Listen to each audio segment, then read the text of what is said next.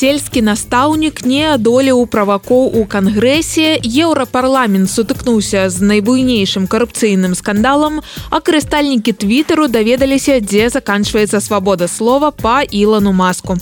Як звычайна гэта штотыднёвы агляд міжнародных навінаў ад еўрарадыо Новы прэзідэнт жанчына, а стары прэзідэнт у паліцэйскім участку, але ў гэтай навіне з перу няма нічога добрага. У краіне пратэсты сотні людзей атрымалі раненні, ёсць ахвяры, піша BBC. У 2020 годзе ў Перу за 5 дзён змянілася тры прэзідэнты, то бок у тры разы больш, чым калі-небудзь было ў Беларусі. Гэтая нестабільнасць здавалася б скончылася ў 2021 годзе, калі лідарам Перу выбралі школьнага настаўніка Педра Касцільё без палітычнага вопыту.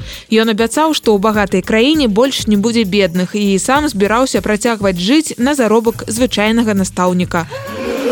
Тое, што так добра пачыналася, скончылася імпічментам крыху болей за год. Пакуль левы прэзідэнт Касцільё быў ва ўладзе, яму тройчы спрабавалі абвясціць імпічмент. Рабіў гэта правы парламент. Былы школьны настаўнік са сціплай сельскай мясцовасці не меў ні сувязяў, ні ўплыву і яму з самага пачатку было складана кіраваць варожым да яго кангрэсам. Мы ведаем, што касцільё дзейнічаў нерашуча але гэты кангрэс адвярнуўся ад яго і наклаў на яго мноства абмежаванняў.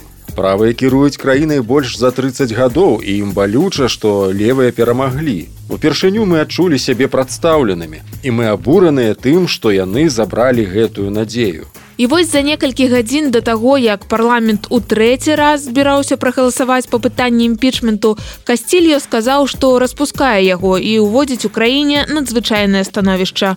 Калі ён чытаў гэты тэкст, рукі ў яго трэсліся. Тады дэпутаты тэрмінова сабраліся, каб прагаласаваць за імпічмент і вось ужо перуанская паліцыя публікуе кадры з касцільё ў пастарунку. А за чарговага лідара перу цяпер віцэ-прэзідэнтка. Як справядліва заўважае BBC урад перу апошнія гады быў які заўгодна толькі нестабільны. І гэта праўда што рэйтынгі касцілью былі не вельмі высокія але ў кангрэса яшчэ ніжэйшыя. І ўсё гэта вылілася ў жорсткія сутычкі з паліцыяй. Катары на гэтым тыдні заканчваецца чэмпіянат свету по футболе а ў еўрапарламенце толькі-толькі разгараецца ўскосна звязаны з ім карупцыйны скандал Адна з абвінавачаных віцэ-прэзідэнт еўрапарламента Ева Кайлі, якую ўжо адхілілі ад пасады. Чатырох чыноўнікаў парламента падазраюць у хабарніцтве.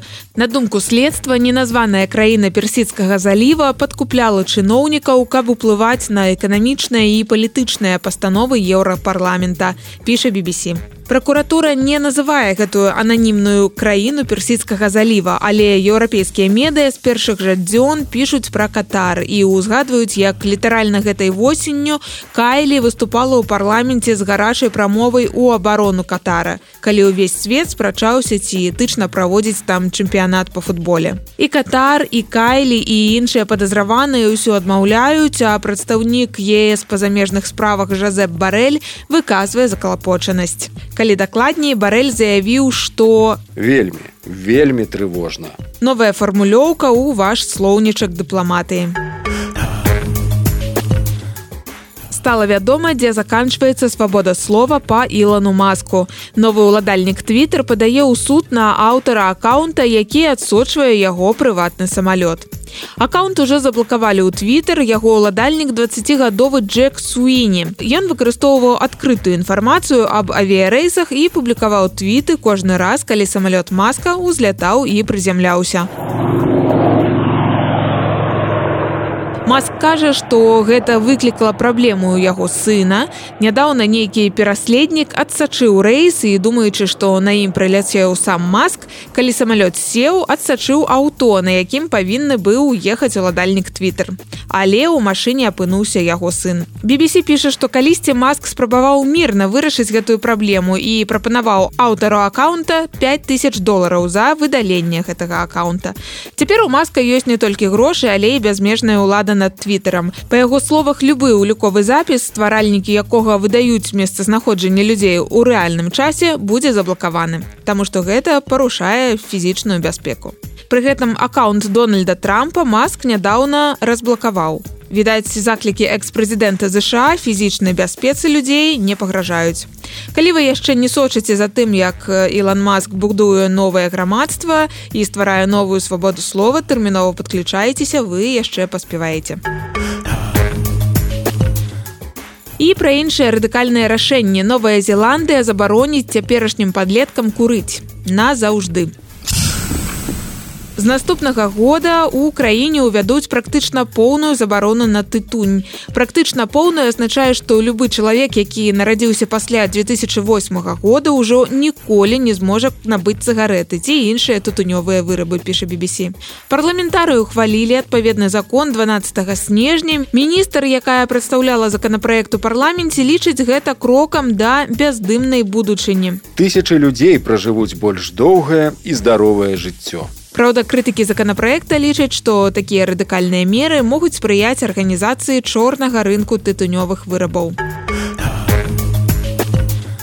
А ў Геррманіі дзеці украінскіх бежанцаў просяць нямецкага санту, каб хутчэй скончылася вайна, распавядае нямецкі більд. Каляднае паштовае аддзяленне кожную зіму прымаюць дзіцячыя лісты.